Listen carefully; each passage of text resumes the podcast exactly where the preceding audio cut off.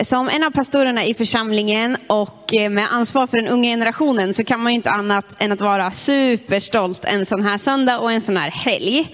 Igår skulle vi ha haft en, en storsatsning som vi kallar Refuel Plus, liksom när vi bjuder in ja, hela Mellansverige egentligen och säger hej kom med på ett av våra eh, grymma möten där vi tror att Jesus vill göra någonting. Och sen så i de här tiderna så insåg vi att det här går ju inte, vi får inte samla massa människor.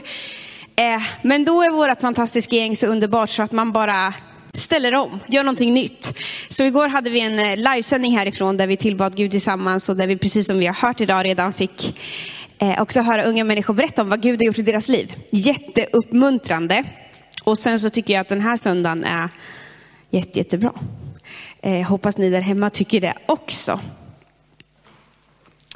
Idag så kommer jag predika utifrån rubriken att göra plats för Jesus. Att låta honom vara nummer ett i våra liv. Jag tycker att i den här tiden nu så har man ju, man har lite mer tid, eller liksom allas scheman har ju ställts om på ett eller annat sätt. Eh, och då tycker jag att det är en utmaning att Jesus också ska få ta mer plats i våra liv. Vilket jag tror att han vill göra och jag tror att vi mår bra av att låta honom ta mer plats i våra liv. Vi ska läsa tillsammans i Markus, det tionde kapitlet.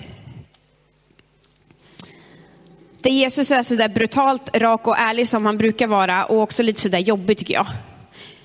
Eh, vi läser ifrån Markus 10, vers 17. När Jesus skulle vandra vidare sprang det fram en man som föll på knä för honom och frågade. Gode mästare, vad ska jag göra för att få evigt liv? Jesus sa till honom, varför kallar du mig god? Ingen är god utom Gud. Buden kan du, du ska inte mörda, du ska inte begå äktenskapsbrott, du ska inte stjäla, du ska inte vittna falskt, du ska inte ta ifrån något det som är hans, hedra din far och din mor. Mannen sade, mästare, allt det har jag hållit sedan jag var ung. Jesus såg på honom med kärlek och sade, ett saknar du. Gå och sälj allt du äger och ge till de fattiga, så kommer du att ha en skatt i himlen. Kom sedan och följ mig. Vid de orden mörknade mannen och gick bedrövad bort, för han ägde mycket. Jesus såg sig omkring och sa till sina lärjungar, hur svårt är det inte för de som har pengar att komma in i Guds rike? Lärjungarna blev förskräckta över hans ord. Men Jesus sa än en gång till dem, mina barn, hur svårt är det inte att komma in i Guds rike?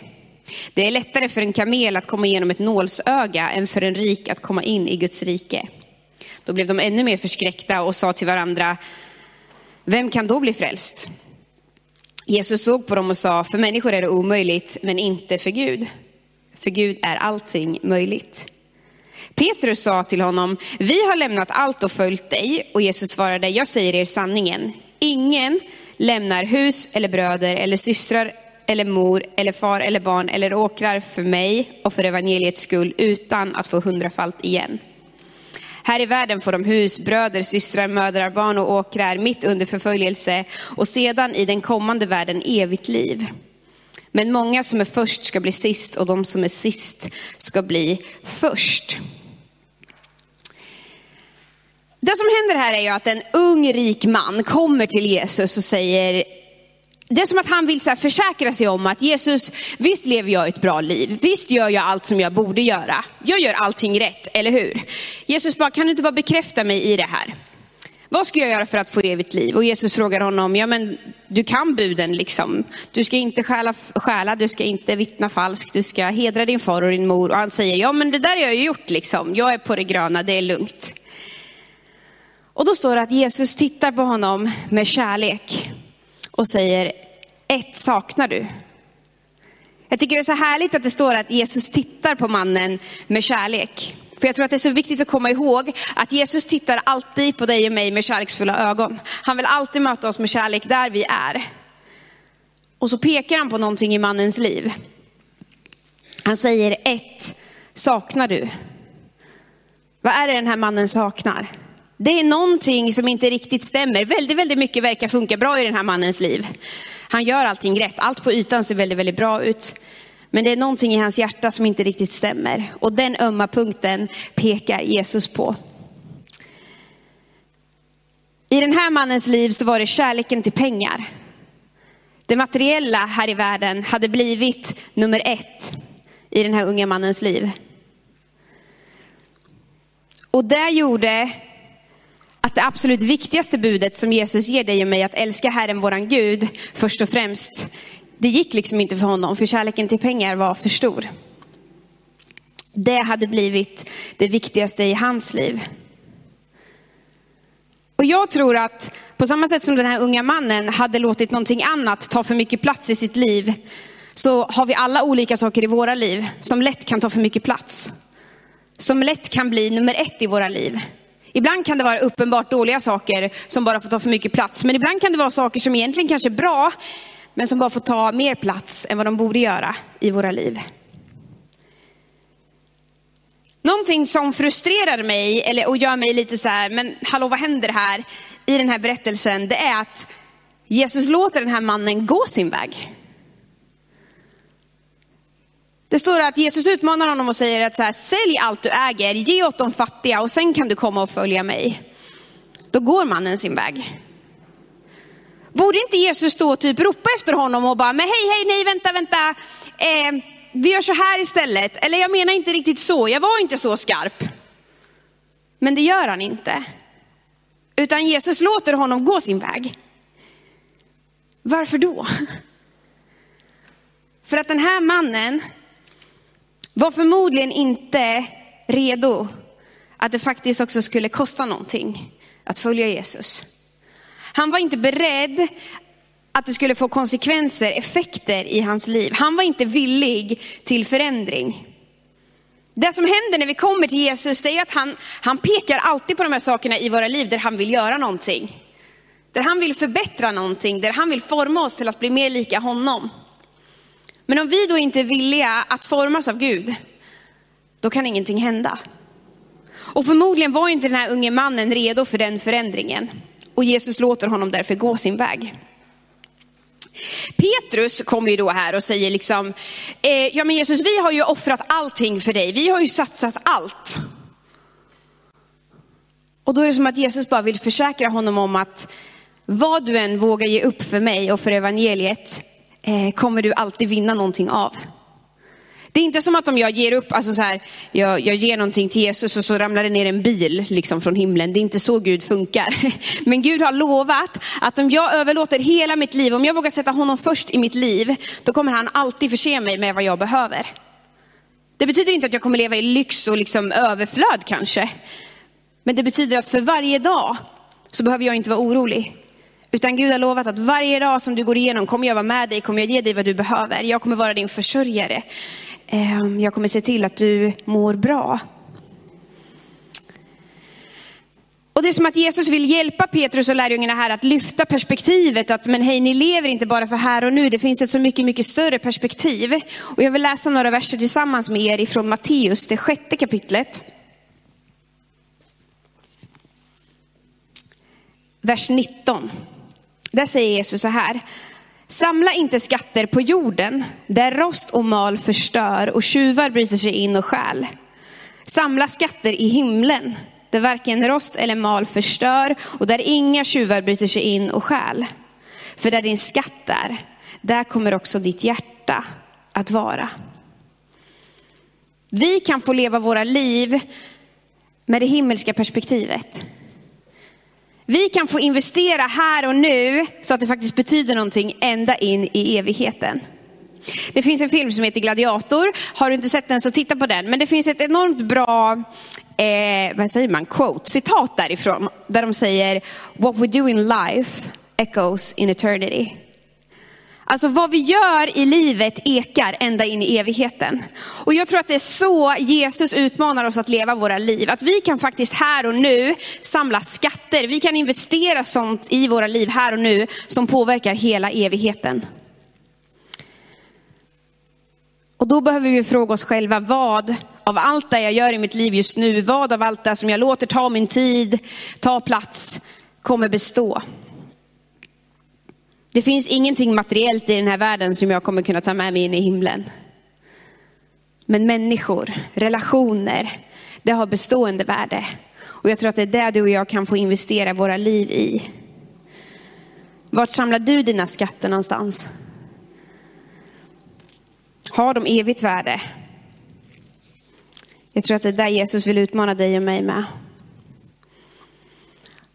Jag säger inte att pengar behöver vara fel eller materiell trygghet och sådär är fel. Det kan ju vara jättebra för jag tror att det kan få vara till jättevälsignelse också. Men ibland så tror jag det kan ta för mycket plats. Och jag tror att det är lätt att ju bättre vi har det materiellt, ju lättare är det också att leva sitt liv utan Gud. Ibland tror jag att man kan ha det för bra för att behöva Gud. Gud blir någonting i mitt liv som jag har långt ute på kanten och sen när det verkligen krisar, då kommer jag på att jag just det, jag behöver lite Gud i mitt liv också. Ibland kan det vara bra att inte bara bygga sitt liv, eller jag tror alltid det är bra att inte bara bygga sitt liv på den materiella tryggheten. För den kommer inte alltid bestå. Och många i vår värld just nu i den här tiden prövas på det här området och märker att okej, okay, all den här stabiliteten, all den här tryggheten som jag hade, den rasade. Den finns inte längre kvar. Men Gud står fast. Jesus vill vara nummer ett i våra liv. Han vill ha den första platsen och han utmanar dig och mig att ge honom den platsen. Det står att Gud är en svartsjuk Gud i Bibeln. För att han älskar oss så mycket så att han vill inte att någonting annat ska få vara större än honom själv i våra liv. För att han älskar dig och mig så mycket så att han vill att vi ska älska honom på samma sätt. Och jag tror att när vi vågar ge Gud den platsen, när vi vågar sätta honom först, när vi vågar göra plats för Jesus i våra liv, då kommer han också alltid visa att han är värd det. Det är alltid investeringar som är värda att göra. Det kan vara ett uppoffrande, det kan vara någonting jag behöver ge upp, våga liksom ge till Gud, men det är alltid värt det. Det är alltid värt att sätta honom först. Och jag önskar att det här inte bara skulle få vara någonting som jag säger. Jag har den längtan i mitt liv att Gud ska få vara nummer ett. Jag ber att det ska få vara så. Men jag tror också då att vi behöver vara villiga och öppna för förändring. Och att vi behöver vara formbara för vad Jesus vill göra. Vilket den här unga mannen som vi läste om inte var. Det här tror jag är svårt. Och nu har jag skrivit upp tre punkter, tre punkter, tre punkter på varför jag tror att det är svårt ibland att göra plats för Jesus i sitt liv. Först och främst så finns det en aktiv motståndare som inte vill att vi ska göra plats för Jesus i våra liv. I första Petrusbrevet 5 och 8 står det så här. Er motståndare djävulen går omkring som ett rytande lejon och söker efter vem han ska sluka. Er motståndare, vad betyder det? Det betyder att någon som är emot mig hela tiden. Alltså, det finns en ond verklighet, det finns en djävul, talar Bibeln om, som hela tiden vill att jag ska misslyckas. Som hela tiden vill att du och jag inte ska lyckas med det Gud vill för våra liv. Jag tror inte vi ska överbetona det här på något sätt och man ska liksom inte gå och fokusera på det, men man ska vara medveten om det. Att det finns en motståndare som bara vill att jag ska misslyckas. Hela tiden, som är aktiv. Ehm, men det står också i Bibeln att vi kan, göra, vi kan stå emot honom. Vi kan be till Gud och be att han ska ge oss kraft och styrka att orka stå emot och då kommer vi kunna göra det. Det var den första punkten. Det finns en aktiv motståndare som inte vill att du och jag ska göra plats för Gud i våra liv. Nummer två. Det finns också en syndig sida av människan. Det som Bibeln kallar för köttet är hela tiden i konflikt med vad Gud vill och säger för mitt liv. I Romarbrevet 7 och 19 så skriver Paulus så här. Viljan hos mig finns men inte förmågan att göra det goda. Det goda som jag vill göra gör jag inte. Men det onda som jag inte vill, det gör jag. Jag tror att om vi alla är ärliga mot oss själva så har vi ju befunnit oss i den här situationen så många gånger. Vi skulle kunna skriva under på det här. Nej men jag vet att jag, att jag vill inte det här egentligen. Det här är inte bra för mig men jag gör det ändå. Förmågan hos mig att göra det goda finns, men jag lyckas liksom inte. Och grej, alltså, det här är en konflikt som finns i oss för att vi lever i en värld som är trasig. Synden har tagit sin plats i den här världen. Och vi kommer mer eller mindre så länge vi lever här på jorden, alltid vara i den kampen. Vara i den konflikten. Och om det inte, alltså om alla tyckte att det var så här, hur ska jag säga? Det finns ju någonting i synden som lockar oss, som frestar oss. Om det inte var så skulle ju ingen någonsin synda. Det är så här, om det inte var gött att synda ibland skulle ingen göra det. Men det finns någonting i oss som faller för det här, som gör det ändå. Den kampen står vi i. Men i den kampen så det, finns det också alltid nåd och förlåtelse hos Jesus. Vi behöver vara medvetna om att den här kampen finns i oss. Som gör det svårt för oss att ibland göra plats för Jesus i våra liv.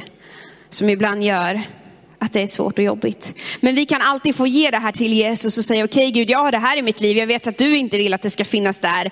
Förlåt mig. Och han förlåter oss alltid. Alltid, alltid, alltid. Punkt tre. Jag tror att det är svårt att göra plats för Jesus i sitt liv om det redan är fullt.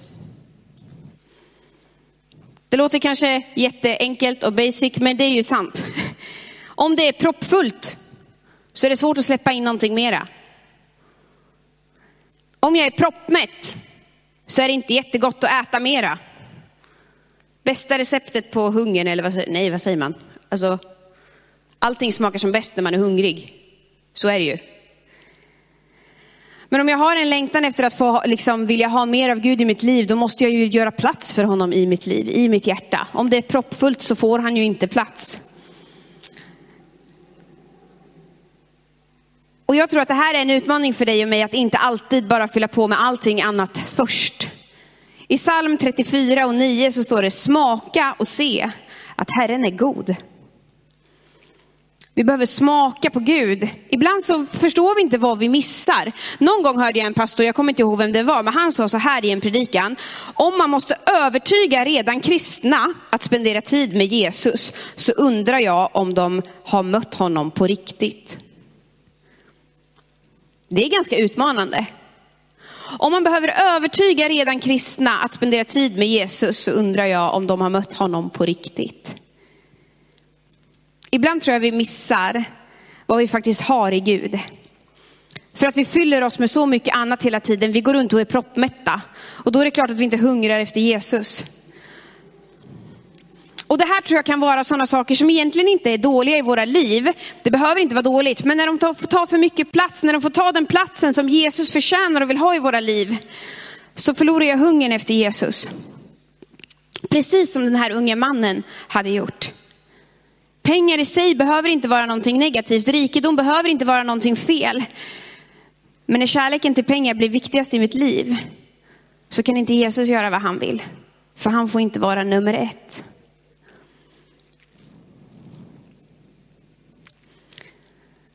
Så hur gör man då plats för Jesus i sitt liv? Hur låter jag honom få den där platsen om du vill det? Det handlar ju om att vara villig och öppen för förändring. Jag tror att vi alla, om vi kommer till Gud med ett uppriktigt hjärta och frågar, precis som den här unga mannen gjorde, Jesus vad ska jag göra? För att liksom ha det rätt ställt med dig. Då kommer Jesus, precis på samma sätt som han gjorde med den här unga mannen, titta på oss med kärlek. Och han kommer peka på vad i våra liv som fattas oss. Och det kan vara helt individuellt, det kan vara så många olika saker för oss var och en. Men jag tror att Jesus kommer peka på dem. Han kommer säga, det här är din ömma punkt. Det här är det som får ta för mycket plats i ditt liv. Det här är det som jag skulle vilja att du förändrar. Det här är det som jag skulle vilja göra någonting åt. Och då har vi ett val. Då kan vi antingen som den unga mannen vända och gå därifrån och säga okej, okay, nej, jag är inte redo, jag vill inte. Jag vill inte att du formar om mig Jesus. Eller så kan vi våga ge det där till Gud. Säg okej okay, Gud, jag ger dig min ömma punkt. Jag ger dig det i mitt liv som har fått ta för mycket plats för att jag vill att du ska få ha den platsen istället. Och då kommer Jesus börja forma om oss. Då kommer han göra oss mer och mer lika honom. Och det är så lätt i det här tänker jag att man blir så här, åh vad mycket prestation det blev på mig nu. Det handlar om vad jag ska göra och, och sådär. Och det är ju inte alls där det gör, utan det handlar bara om villigheten. När Jesus här talade till den unga mannen om vem som kan bli frälst så, så drar han det ju så långt så att han säger att den som är rik kan inte komma in i Guds rike. Det är lika svårt för en kamel att komma igenom ett nålsöga. Det är omöjligt. Det går inte. Och det säger lärjungarna, men det går inte, det är omöjligt. Och då säger Jesus, ja, för människor är det men inte för Gud. Och därför så finns det heller inga människor som är liksom omöjliga fall för Jesus. Det enda du och jag kan göra det är att ha ett villigt hjärta och säga Jesus, använd mig, forma mig, gör vad du vill i mig. Och då gör han det. För att Herren är god. Och det är där vi också får smaka, eller så här, se, när vi vågar smaka och se att Herren är god. Alltså Gud är alltid för oss, han är aldrig emot oss, han vill alltid det som är bäst för oss. Han vill inte ta första platsen i våra liv för att vi ska tryckas ner och bli mindre än vad vi är, utan för att vi ska få bli den fulla potential som han har skapat oss till. Och det är att leva i en nära och tajt relation med honom själv. Eh, teamet kan få komma fram och ta plats här för jag ska alldeles strax landa. Jag tror att Jesus vill utmana dig och mig den här förmiddagen att våga ställa frågan, Jesus vad ska jag göra? Våga peka in i mitt hjärta på vad som är min ömma punkt. Finns det någonting som fattas mig? Finns det någonting som du idag vill att jag ska förändra? På vilket område är det du vill att jag ska göra plats idag? Jag har bett teamet sjunga en, en fantastisk sång för oss nu som heter just Make Room. Som handlar om det här att, att faktiskt våga göra plats för Jesus. Och i den här sången så sjunger man också att det finns ingenting som du inte kan flytta Gud. Utan det handlar bara om villigheten att våga ge det till honom och han kommer kunna flytta det. Så jag utmanar dig just nu där du är att liksom, vill du sätta Jesus först, vill du göra plats för honom i ditt liv, så våga att uppriktigt fråga honom om det finns någonting som du behöver flytta undan idag. Om det finns någonting som du behöver liksom röja ur ditt hjärta för att Jesus ska få ta mer plats där. Vi ber tillsammans. Herre, jag tackar dig för att du alltid vill att vi ska göra mer plats för dig. För att du älskar oss, för att du vill leva i en nära och tajt relation med oss och för att du vill ha den platsen i kärlek, Herre Jesus. Och tack för att vi kan få formas om av dig, Herre Jesus, med ett villigt och uppriktigt hjärta. Tack för att det inte handlar om att vi ska prestera i oss själva, utan du utmanar oss att lägga våra liv helt och fullt i dina händer, Herre Jesus. Och nu ser du de som, som är här inne och de som är med oss eh, eh liksom live du ser exakt vart vi är, vad vi känner, vad vi vill just nu, Herre. Vi kommer som vi är till dig, Herre Jesus, och tack för att du ser på oss med kärlek. Du möter oss där vi är och gör din grej genom oss, Herre. Tack att du fortsätter välsigna den här stunden. I Jesu namn. Amen.